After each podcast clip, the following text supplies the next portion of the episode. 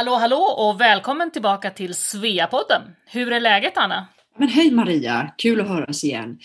Eh, här hemma i Stockholm har skolorna kommit igång och spekulationerna har varit stora om covid, corona, ska komma tillbaka i en andra våg. Men än så länge så ser det ut som eh, den här sjukdomen håller sig på mattan och kritiken mot den svenska strategin verkar nu nästan vändas till beröm faktiskt. Ja, den som lever får se. Det är helt klart att det här är ett maratonlopp, så det är svårt att veta än.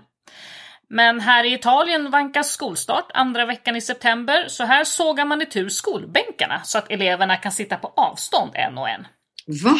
Sågar de itu skolbänkarna? Skämtar du? Nej, det är ju så att man sitter ju ofta två och två här och det funkar ju inte i dessa tider. Och det finns inga nya skolbänkar att köpa, så då gör man så här, man tar fram sågen. Sen saknas det en förfärlig massa lärare också eftersom klasserna måste halveras för att skapa avstånd. Så alla expats som vill extra knäcka som obehöriga lärare sugs upp just nu. Okej, okay, ja vaccinerna är ju på väg, det vet vi ju, så att eh, vi håller tummarna för alla som fortfarande sitter isolerade hemma, att inte det här ska dra ut allt för länge på tiden såklart.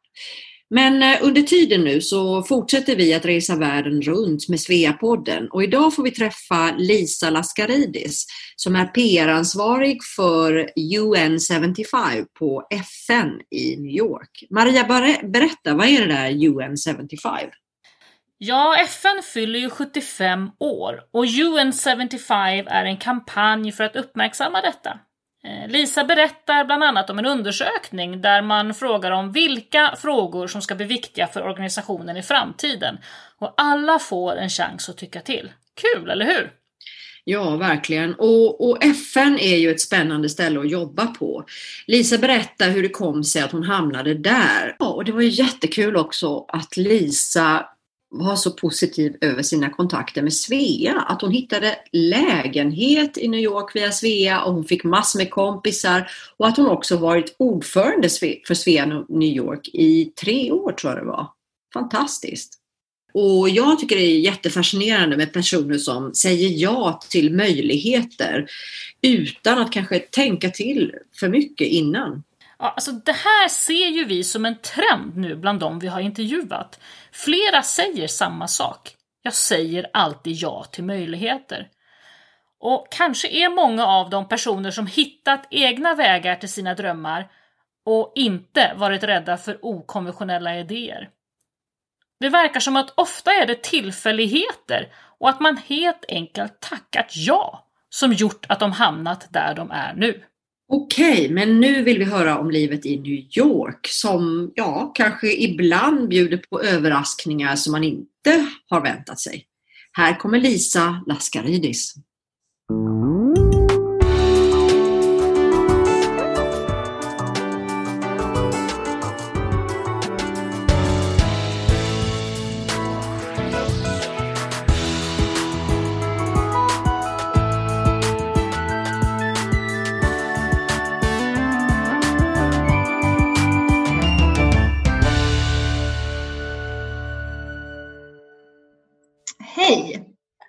Jag heter Lisa Laskaridis och jag bor i New York sedan 2010. Jag jobbar på FN med generalsekreterarens projekt UN 75 och jag var ordförande för Svea New York 2013 till 2018. Hej Lisa och välkommen till Sveapodden. Tack så jättemycket. Vad roligt att du har gjort tid för oss idag. Jag förstår att du just för tillfället faktiskt inte är i New York utan hemma i Sverige. Var i Sverige har du dina rötter? Var kommer du ifrån? Ja, men det stämmer. Jag har flytt eh, Manhattan och är just nu i Nacka. Jag är uppvuxen här eh, i Nacka utanför Stockholm.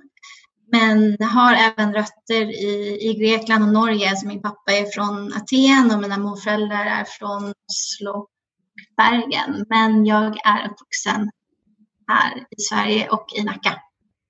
Ja, men då förstår jag efternamnet också lite bättre för jag såg att eh, du mm. talar en massa språk däribland grekiska. Då tänkte jag att det måste ha någonting med namnet att göra, men det, så var det. Stämmer det. Ja. Uh, Och hur, hur kom du sen ifrån Nacka till Manhattan? Vad var det som gjorde att du tog steget och flyttade utomlands? Ja, det är, det är en, lång, en lång historia, eller en lång resa som jag skulle säga började 2003 när jag var ute och reste efter gymnasiet och eh, spenderade några månader i Indien. Det var månader som verkligen påverkade mig och det var något som hände med mig där. Perspektiv förändrades och jag såg saker och ting med nya ögon. Jag visste inte exakt vad jag ville göra men jag visste att jag ville jobba med någonting eh, internationellt, internationellt eh, med utveckling något för att förändra och göra skillnad. Eh, det var där någonstans som FN letade i mitt huvud och eh, i mina framtidsdrömmar. Och jag tänkte att om jag nu ska jobba internationellt så borde jag nog studera på engelska. Så till, min, till mina föräldrars stora fasa flyttade jag till Melbourne, Australien, för att ta examen internationella relationer. Och så fastnade jag givetvis där. Jag var där i sju år. Eh, jag där jobbade fyra olika jobb för att dels för att samla på mig erfarenhet och dels för att kunna betala hyran som man gör när man är student.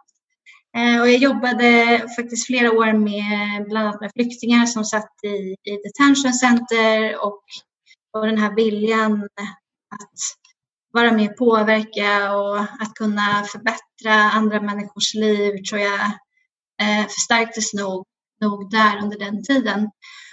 Och jag jobbade även med FN-förbundet som var det närmaste FN jag kunde, eh, jag kunde komma i, i Melbourne. Och det var ett eh, pyttelitet kontor med tre anställda och praktikanter och, och jag ringde varje vecka för att höra om, det hade, om de hade en öppning och varje vecka så sa de nej, det har vi inte. Men jag var fast besluten och envis och jag ringde varje vecka och till slut så tror jag att de tröttnade på mig och sa okej, okay, ja men kom in då så får vi se vad du, vad du har att säga. Um, så då jobbade jag där i några år, eller jag volontärarbetade i några år. Och genom det jobbet fick jag sedan ett erbjudande om att åka till FN i New York för att hjälpa till eh, och anordna en konferens. Och eh, ja, men du vet, det är en sån där dag, man har vissa dagar som man aldrig glömmer. Jag kommer aldrig glömma den dagen. Jag satt där i en, där liten, en liten vrå där i kontoret um, på med hemsidan och så ropade min chef uh, från andra rummet. Lisa, FN i New York, eh, de vill att jag ska skicka över någon där för att hjälpa till med någon konferens. Och tänkte att jag skulle skicka dig. Vill du det? Vill du åka till New York? och, och du vet, höll på att ramla av stolen. Eh, men det var ett sånt där ögonblick eh, och jag kommer ihåg att jag tänkte att okej, okay, men nu, nu förändras hela livet. Eh, och det gjorde det. Så då flyttade jag till New York 2010, maj 2010. Och när jag väl var där och satte foten på FN så ville jag inte åka därifrån.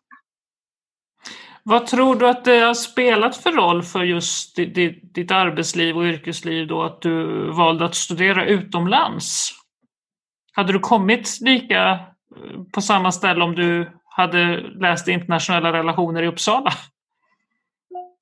Det kan man ju aldrig veta såklart. Det hade det kanske, det hade det säkert. Jag vet inte, men det hjälpte helt klart mig alltså med språket eh, framför allt. För även om vi får jättebra engelska utbildning i Sverige och svenskar pratar generellt väldigt bra engelska eh, så är det en helt annan nivå när man ska jobba, man ska jobba med det och prata politiska termer och, och, och sådär. Så och det var tufft. Det var jättetufft första året i Australien där när jag pluggade och jag är van vid att eh, alltid ha bäst liksom, på mattetestet. Men jag fick tillbaka alla uppsatser med bara en massa röda streck och bara...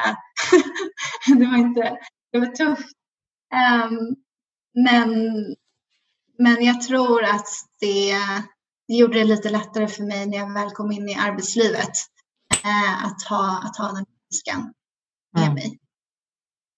Du säger att du har flytt Manhattan nu. Hur har det varit livet i, vid FN och i New York här under den så kallade coronavåren? Har ni varit inne på kontoret någonting alls? Nej, inte sen, ska vi se, jag tror sen början på mars eh, så har vi jobbat hemma. Och FN är fortfarande, även om New York nu har börjat öppna upp lite grann så är FN fortfarande i, jag tror de börjar fas ett år faktiskt. Mm. Vilket betyder att eh, 10 procent eh, får komma tillbaka till kontoret. Eh, och sen kommer det, men jag vet inte när jag kommer kunna gå tillbaka till, till högkvarteret en på en månad eller två skulle jag gissa. Så att det ja. Hur har det fungerat med, jag tänker, såna här sto de stora mötena och omröstningar och saker? Jag, jag såg, jag har en bekant i Europaparlamentet där jag såg hur han la upp hur de sitter och har gruppmöten över Zoom och sen eh, skriver ut röstsedlar för hand som de skriver under och skannar in och skickar in till rösträknare och grejer. Har, har ni haft något liknande system eh, i FN under den här tiden? Ja, ja absolut. Jag menar all, alla processer och alla möten och allting har ju, har ju behövts flyttat eh, in till digitala världen eh, och ha virtuella möten och så vidare. Och jag tycker ändå att eh, jag tycker ändå att alla har lyckats anpassa sig ganska bra till, till, som, ja, till, till den verklighet eh, vi nu lever i. Eh, och det är säkert många som var oroliga för att vi inte skulle kunna göra vårt jobb och att saker skulle stanna upp. Men jag tycker ändå att alla har varit väldigt snabba på att till tillvaron och att ändå hitta nya sätt och kreativa sätt att genomföra det jobb man ska göra. Eh, nu jobbar du med det här då, nya projektet som du berättade om, UNs 75-årsfirande. Eh, Berätta lite mer om det. Vad är det för någonting? Ja, så det handlar om att FN fyller 75 år i år och i samband med det så har generalsekreteraren lanserat världens största konversation om hur vi vill att vår framtid ska se ut. Så när vi tittar på världen idag så ser vi att behovet av internationellt samarbete är större än någonsin. Eh, vi har många globala utmaningar, inklusive klimatkrisen förstås och nu även covid-19.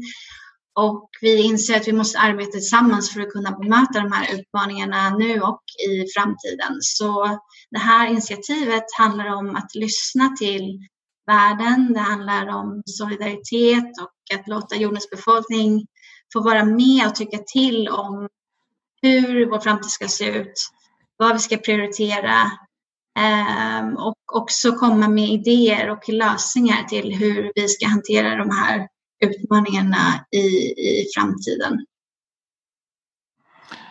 Hur kan man som svensk följa det här arbetet? Eh, jag, vet inte, vi pratade om det här innan, att vi har inte riktigt hört så mycket om det här i svensk media än. Var kan man läsa mer om det här i UN75? Ja, nej men absolut. Eh, på vår, vår hemsida är väl det, det första stoppet om man vill läsa lite mer om UN75. Eh, och det är, är eh, un.org eh, slash UN75.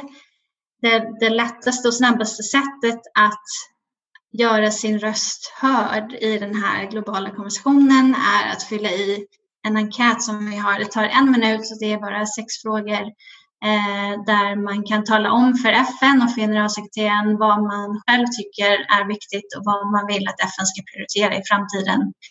Och det gör man på un75.online och den finns även på svenska, den enkäten. Så det uppmuntrar jag verkligen alla att eh, ta en minut för att säga till, äh, ha, säga, ja, tycka till om, om framtiden.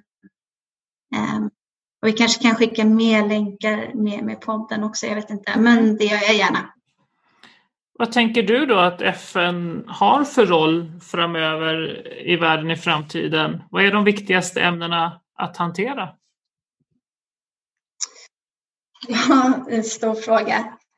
Um, jag menar, det, är tre, tre huvudområden skulle jag säga och det, det är utveckling, det är mänskliga rättigheter och det är fred och säkerhet och alla de hänger ihop.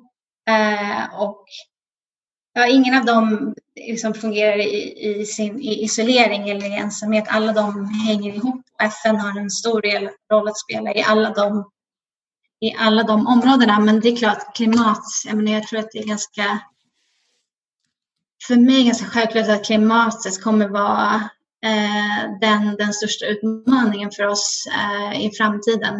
Eh, och jag tror om man tittar på, på våra resultat och på vad, vad folk säger och, och i nuläget har vi eh, nästan 400 000 personer som har deltagit i den här konversationen. Som de tycker är viktigt och majoriteten tror att eh, klimatet är det som kommer att påverka vår framtid allra mest och det är där vi behöver lägga resurser och det är där vi behöver samarbeta eh, för, att kunna, för att kunna säkerställa en, en, en säker och en bättre framtid.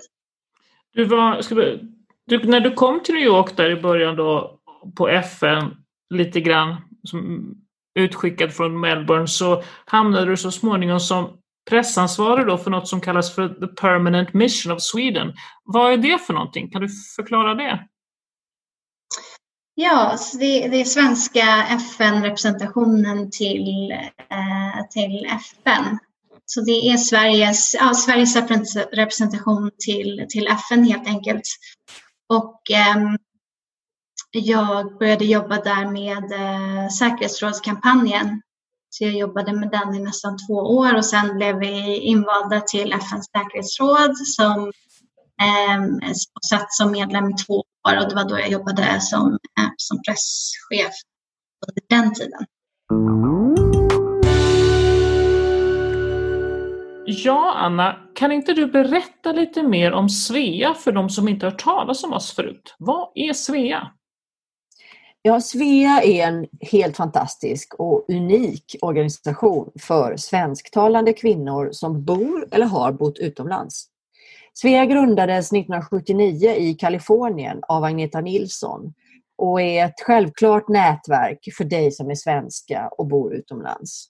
Men namnet Svea då, vad betyder det?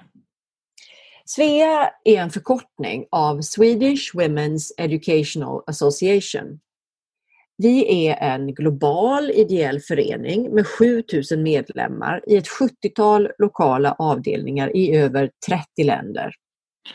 Och vad händer i Svea då? Varför ska man vara med? Via Svea så eh, får man ett nätverk av svensktalande vänner och ett stort utbud av intressanta aktiviteter, både lokalt men även på nätet. Svea eh, är också en eh, välgörenhetsorganisation med en viktig stipendieverksamhet både internationellt och lokalt. Vi utser bland annat Årets svenska kvinna, en utmärkelse som eh, tilldelas en kvinna som gjort mycket för att sätta Sveriges namn på kartan utomlands. I år, 2020, så blev det fotbollslegenden Pia Sundhage som fick den utmärkelsen.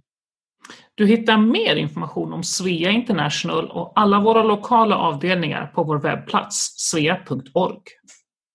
Och varmt välkommen att bli medlem i Svea.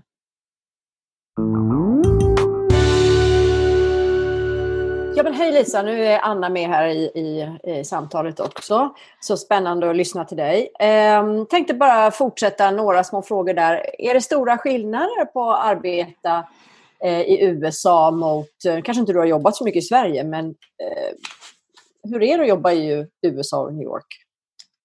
Nu har jag bott utomlands i över 15 år och har inte jättemycket erfarenhet som jag jobbar i Sverige, men det är klart, jag jobbade på svenska konsulatet i New York och svenska FN-representationen. Och det man, den största skillnaden tror jag är nog att det är ganska platt inom svenska organisationer och svenska arbetsplatser. Men jag jobbade väldigt nära ambassadören till exempel och jag kunde eh, komma till honom med idéer och frågor och, och ha en konversation. Medan i många amerikanska företag och även andra, andra länders ambassader och representationer så är det mycket hierarkiskt och man kan inte och även på FN faktiskt. Så, så det är lite mer man ska hålla sig i sitt led och man kan liksom inte bara gå upp till generalsekreteraren och, och komma där med sina idéer utan eh, det är lite mer strukturerat och man ska hålla sig liksom i sin, på sin nivå på ett annat sätt. Eh, så det är någonting jag kan berätta. Eh. Och hur är det att vara kvinna och jobba med FN? Är det ungefär 50-50 kvinnor och män där eller? Ja, jag skulle säga att det är, eh, att det är ganska jämnt. Jag vet att den nuvarande generalsekreteraren Antonio Guterres, han eh, lovade när han kom in som sekreterare att, han, att 50 procent av alla FN-chefer, inte bara i New York utan runt om i världen på alla FN-kontor, eh, ska vara kvinnor och det har han accepterat. Det har blivit, vi har sett en, en stor förändring de senaste åren. Mm. Ja men vad trevligt. Men du, jag tänkte fråga dig lite mer om livet runt omkring här, vad du gör när du inte eh, jobbar. Hur är det till exempel att bo i New York? Jag menar, som svensk har man ju sett att eh, du vet, lyxlägenheter, men det kan väl vara både hög, högt i tak och lågt i tak. Eller olika, väldigt olika standard i New York. Hur, hur funkar det och är det inte väldigt dyrt att bo i New York? Jo, eh, det är väldigt dyrt eh, att bo i New York och det är inte alltid helt lätt heller att, eh, att hitta en lägenhet och det krävs också som, som jag vet som bor i USA, USA att man, man måste ha en, bygga upp en credit eh, för att få skriva på ett förstahandskontrakt till exempel. Ofta måste man ha en hel årshyra och betala i förväg. Eh, och ehm, när, sist när jag flyttade så hade jag hade liksom inte det. Jag hade, jag hade varken bra credit eller jag hade inte en hel årshyra att kunna betala heller. Så då har man inte så jättemycket alternativ. Och jag, men jag hade världens tur eh, då genom, genom kontakter och, och genom Svea från början. Men en kompis på svenska konsulatet som kände en annan svenska som hade en lägenhet i i Hell's Kitchen ehm, på västra sidan av Manhattan vid Hudson River. Och eh, hon sa att ja, men du kan få komma och titta på den. Ehm, och jag kommer ihåg det så väl.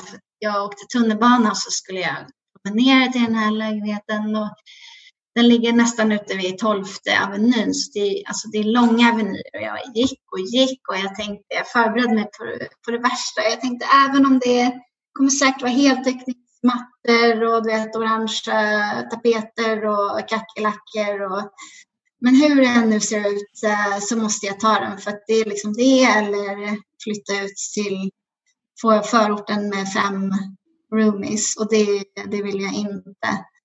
Men, men sen när jag kom dit, och det är också ett ganska skumt kvarter. Jag bor granne med ett stall eh, där det bor 50 hästar. Så det var liksom hö på hela gatan. Och, ja, så jag gick upp från den där trappan trapporna och tänkte, vad är det här för ställe? Men eh, så öppnade jag dörren och det var en helt fantastisk liten pärla med trägolv och eh, högt i tak och solen sken in i fönstret. Men det var verkligen, jag hade verkligen tur ja, och hitta, hitta en sån lägenhet som, eh, som jag har råd med. Och, och där har jag bott ända sedan dess. Ja men eh, vad skönt för dig. Och, och, men du, jag läste någonstans här om en lite rolig och kanske annorlunda historia om du hörde någon gång ett litet mystiskt ljud från eh, toaletten. Hur var det med det där? Mm. Ja, ja men det stämmer. Det var... jag, eh, jag, jag låg på sängen och, och gjorde, eh, mejlade lite jobb så hörde jag liksom någonting som något ljud från badrummet. Vad kan det vara för någonting? Nej, men det var ingenting för det är jättetunna väggar så ibland är det grannen. grannen. Men så hörde jag det igen. Det lät som om han på att flytta runt liksom, i en papperskorg där i badrummet. Så jag tassade upp och liksom tittade runt hörnet och då satt det en stor råtta där på badkarskanten. och eh, jag tror vi blev båda lika förskräckta båda två. Så råttan eh, bara tog sats och hoppade rakt upp och sen eh, rakt ner i toaletten och simmade iväg. Wow! Alltså det där har man ju lite svårt att förstå som svensk. Men jag vet själv att jag såg kackerlackor faktiskt i badrummet när jag bodde i New York. Så att, eh, ja. det förekommer väl lite här Man blir inte så sugen på att sitta en stund på toaletten då? När man ser hur råttan hoppar i och simmar iväg. Precis så. Nej, jag brukade faktiskt eh, läsa ibland i badrummet men det har jag eh, helt klart slutat med. Du har ju varit eh, ordförande för Svea i New York under flera års tid. Vad var det som gjorde att du hamnade hos Svea och blev medlem där från början? Ja, det var faktiskt, det var faktiskt någon på min mammas jobb här i Stockholm som hade nämnt Svea och som sa att jag kanske kan hjälpa till med boende när din dotter ska flytta till New York. Eh, så jag hörde av mig till Svea och, ehm, och så blev det. Och tack vare, tack vare Svea New York så fick jag bo hos Agneta Eckemyr eh, i hennes fantastiska lägenhet på Central Park West eh, min första sommar i New York.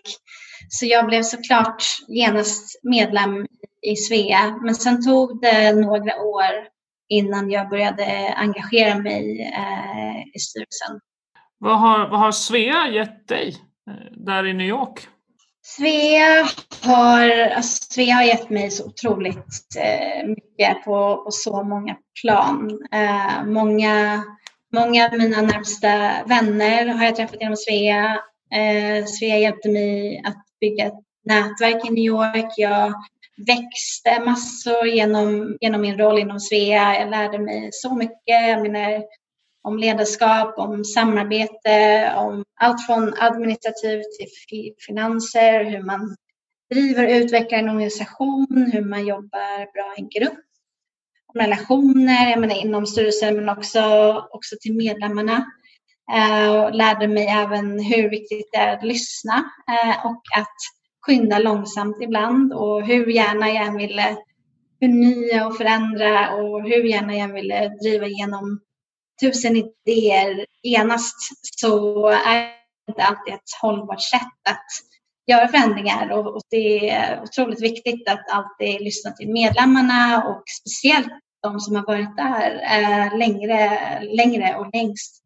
Och eh, att få med sig hela organisationen när, när man utvecklar och, och när man förändrar. Men jag var ordförande i, i fyra och ett halvt år och det var ett, måste helt klart, ett av de roligaste uppdragen jag har haft. Eh, så Svea har gett mig enormt mycket glädje och minnen och skratt och stöd genom åren och inte minst en New York-familj skulle jag säga. Och den har jag alltid velat ha en syster och, och där fick jag eh, övernatta liksom 200 nya systrar. Så att, ja, det var... Svea ligger mig väldigt varmt om hjärtat. Mm. Vad gör du på fritiden annars i New York? Har du ens någon fritid med det jobbet du har? eh, jo, jo, men lite grann. Jo, men, lite grann. men ja, det är klart, det, det är mycket jobb. Eh, det ska inte sticka under stol med. Men jag tycker också att det är roligt. Jag älskar mitt jobb. Men, men New York, ja det finns ju, finns ju så otroligt eh, mycket att göra. Jag menar kulturutbudet. Jag älskar Lincoln Center, eh, Operan och balletten och jag älskar biblioteken och alla små eh, bokaffärer eh, och på sommaren har de sådana här utomhus eh, diskon och ja, men det, det, finns, det finns otroligt mycket att göra. Och jag älskar också att promenera. Så jag spenderar väldigt mycket tid med att promenera runt Manhattan och, och filurar på olika saker. Uh, och jag gillar verkligen det med New York, att det är, i och med att det är en så stor stad och så mycket folk så är det alltid folk ute och runt omkring. Så man känner sig alltid säker faktiskt. Man kan gå runt där vilken tid som helst på dygnet och, och allting är öppet och jag är, jag är verkligen en nattuggla, inte en morgonperson alls, utan jag är nattuggla och jag kan göra vad jag vill på natten för att allting är öppet. Man kan tvätta, man kan handla, man kan, ja. Så det, det passar mig väldigt bra.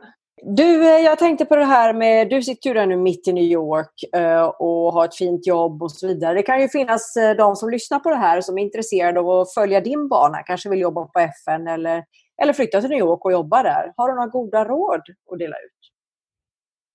Ja, ja men först och främst så kan man kontakta Svea såklart. Nej men, nej, men allvarligt talat så kontakter och kunna, och kunna ha någon Eh, och fråga frågor om man vill, om man vill till exempel jobba på FN eller komma till New York eh, är verkligen A och O eh, och har hjälpt mig otroligt mycket.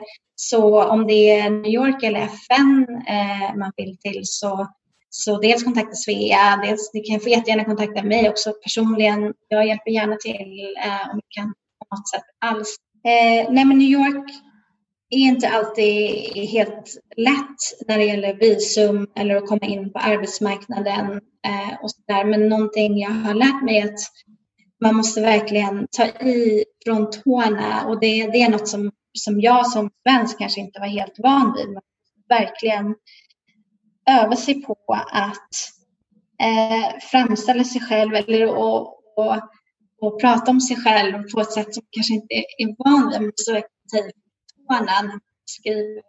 Det här med att använda superlativ precis hela tiden om allting. Ja, men precis. Och, och vad man kan tillföra. Och, och jag tror inte att man, man behöver inte ljuga eller hitta på, men det handlar bara om att prata om sig själv på ett sätt som man kanske inte är helt van vid. Men man måste sälja sig själv på, på ett annat sätt.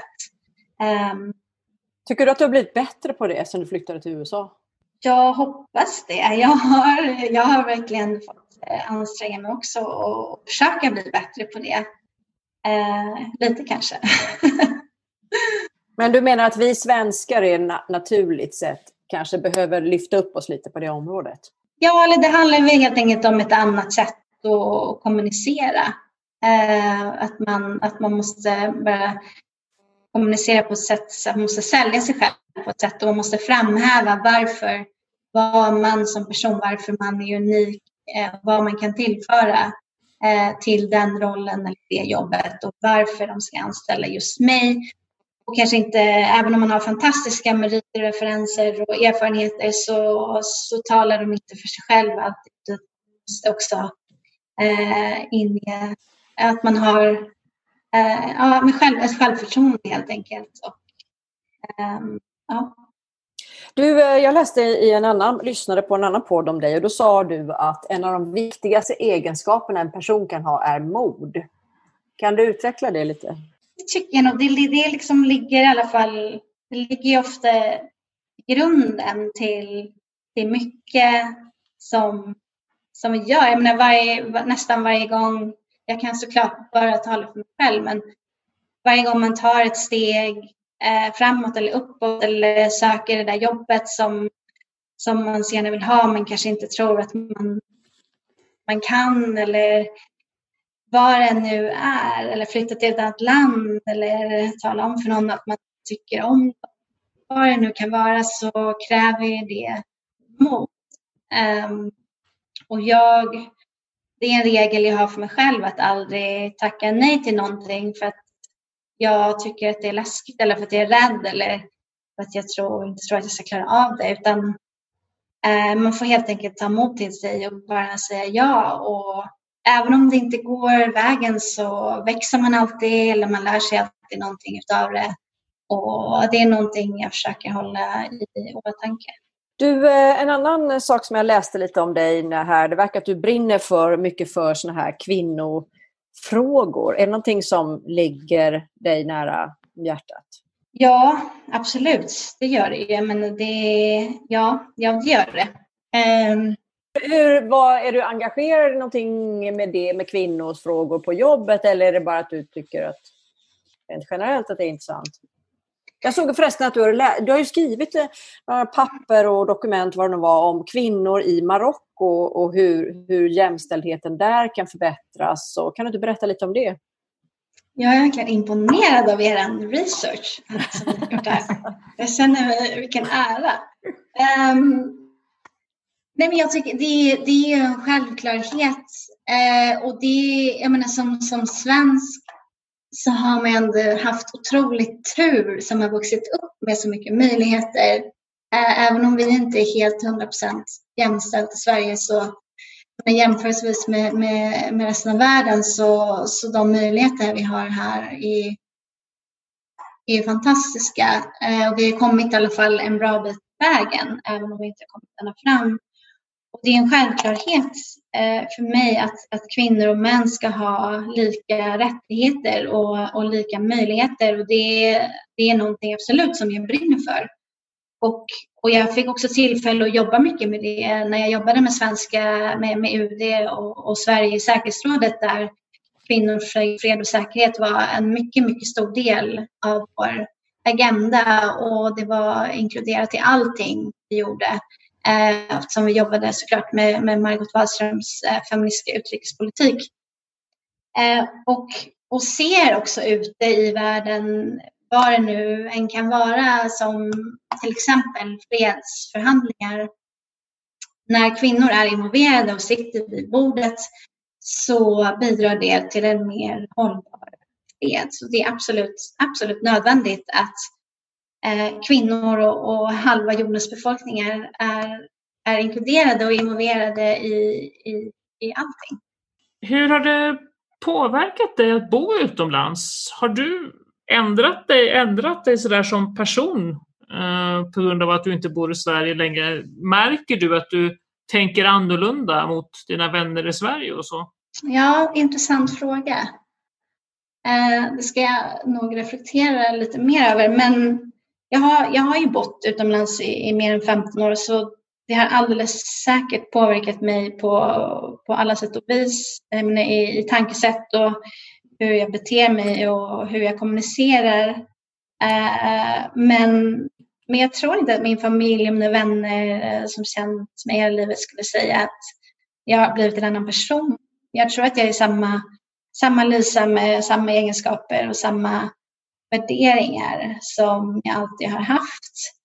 Eh, men jag har också alltid haft en väldigt nära kontakt eh, med Sverige och jag har haft väldigt tur som har haft möjlighet att kunna åka hem till Sverige flera gånger om året eh, och hållit, lyckats hålla en väldigt fin och nära relation med, med min familj och, och många av mina vänner också. Och jag känner mig väldigt svensk eh, ja, hela tiden. Eh, gör du, men gör, gör du någonting sånt där som du inser kanske eh, är lite udda i, i USA och i New York men som du ändå gör för att det, det är en svensk vana eller, eller, eller så? Ja, man ska ju inte, alltså man ska inte, jag ska inte omgeneralisera så mycket men, men ändå så får jag väl göra det nu i alla fall. Men amerikaner är, är ofta väldigt bra på att prata väldigt mycket eh, och ibland kanske utan att säga så mycket. Väldigt bra på på småprata och, och prata mycket om ingenting. Och det är inte jag speciellt bra på. Så då, då kan jag nog känna mig eh, lite svensk. Och det, jag har försökt öva på det, men jag är inte, jag är inte jättebra på, på det faktiskt. Det måste jag erkänna. Nej, det där måste man nog ha blivit skolad in i sen, sen barnsben misstänker jag. Vad saknar du då hemifrån? Längtar du hem någon gång och i så fall när då? Ja, absolut. Jag menar familjen såklart. Eh, mer än någonting annat eh, saknar jag jättemycket. Men vet, vi facetimar och, och pratar och hälsar på så ofta jag kan. Men jag saknar, men med Stockholm, jag saknar vattnet. New York, visst vi har Hudson River där, men det är inte, det är inte svenska skärgården. Det är, inte, det är någonting som jag verkligen saknar, att ha vatten runt omkring mig, också naturen eh, som jag växte upp ute i Nacka med att cykla runt och spela fotboll på ängen och bada i sjön. Och, eh, Manhattan, man kan inte riktigt få det på Manhattan. Och också det här lugnet kan jag sakna jättemycket. Och sen det vanliga, du vet, godis och godis och ostbågar och ost och sill och sådana här saker. Men som tur är kan man faktiskt få tag på, på det mesta nu för tiden. Ja. Tror du att du någon gång kommer att flytta tillbaka till Sverige? Ja, men kanske. Det är absolut inte omöjligt. Jag, jag tänker på det. Jag, som sagt, jag har varit tio år nu i York och jag eh, funderar på att flytta på mig. Det här projektet som jag jobbar med tar slut i januari nästa år. Och då är min plan, nu blir ju saker och ting aldrig som man har tänkt, det, det vet vi ju, men min plan är i alla fall att jobba ett eller två år eh, ute i fält med FN och sen flytta till Europa. Jag vet inte Sverige direkt, eh, men i alla fall, i alla fall närmre hem. Kanske mm. till och med Sverige eller så småningom. Men börja söka dig lite närmare Europa helt enkelt. Precis. Du eh, Lisa, vi, vi tänkte fråga dig, eh, hade du någon liten kul händelse från ditt eh, spännande liv du kunde dela med oss? Eh, jag läste ju någonstans också om eh, eh spindlar och älgar. Ja, men absolut. Det var så att jag blev attackerad av en älg när jag var i Grand Canyon förra året. Och det var, det var i februari förra året. Vi var ett tjejgäng som hade varit i Las Vegas på tjejhelg.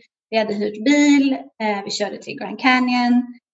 Vi gick upp jättetidigt på morgonen för att liksom hajka till en utsiktsplats där man kunde se soluppgången.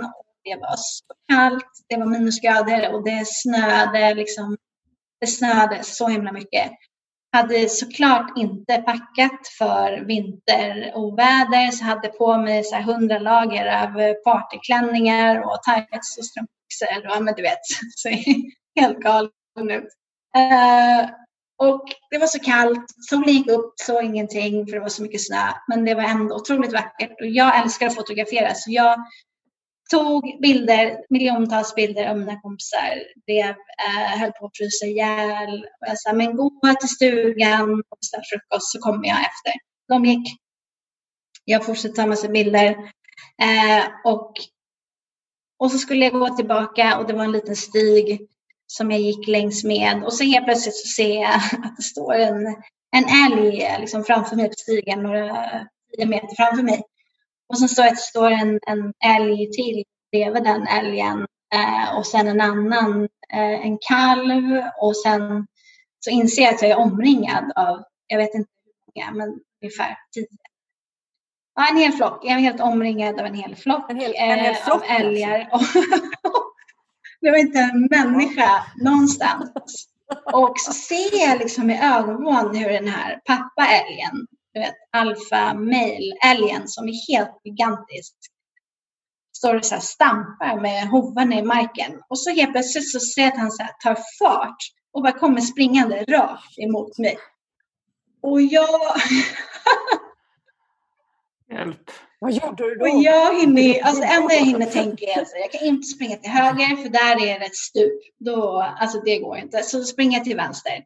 Och så hör jag hur älgen bara galopperar, liksom, kommer närmre och närmre och närmre och var inte snabb nog för, för att springa ifrån.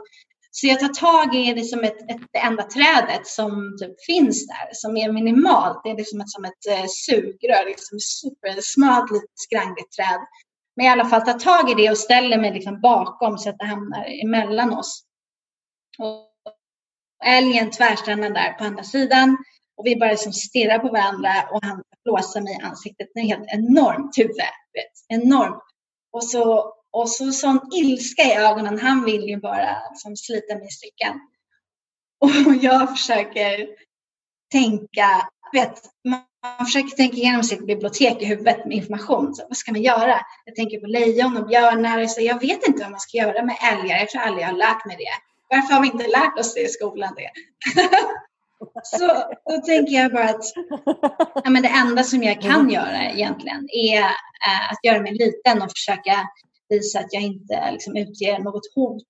Så jag bara kryper, i, kryper ner på marken och, och rullar ihop till, till en boll äh, och blundar och typ slutar att andas och hoppas på att bara vara helt osynlig. Och så låg jag där i säkert, um, jag vet inte hur långt det var, det kändes såklart som en evighet, men tio minuter kanske, uh, innan den här älgen till slut liksom blåste dit och sen vände på sig och därifrån. Det är min älghistoria. Wow! Pulshöjande måste det ha varit. Det var en jätteläskig historia. Ja, det var, jag var helt eh, traumatiserad efteråt prata. ja, så kan det gå. Ja, men du är definitivt modig alltså måste jag säga. Ja, tack. Ja, Lisa, det var jättespännande att uh, prata med dig. Vi säger tack så jättemycket för att du ville träffas här idag. Tack så jättemycket för att jag fick vara med. Uh, en stor ära och jätteroligt. Och uh, ja, jag älskar Svea. Vad härligt. Vi önskar dig allt gott och glad sommar och Tack hoppas vi får mycket. höras med dig i framtiden någon gång. Tack för att du lyssnat. Den här podden är inspelad och producerad för Svea International av Anna Brill och Maria Schacki. Musiken är skriven för Svea av Fredrik Åkerblom. Sveapodden finns nu på de allra flesta ställen där du hittar poddar. iTunes, Google Podcast, Spotify, Acast och så vidare. Om du saknar något ställe, skicka ett mejl till sveapodden gmail.com. Mer information om Svea hittar du på vår webbplats svea.org och i sociala medier där vi finns på Facebook, Instagram och LinkedIn. Och där hittar du oss som Svea International.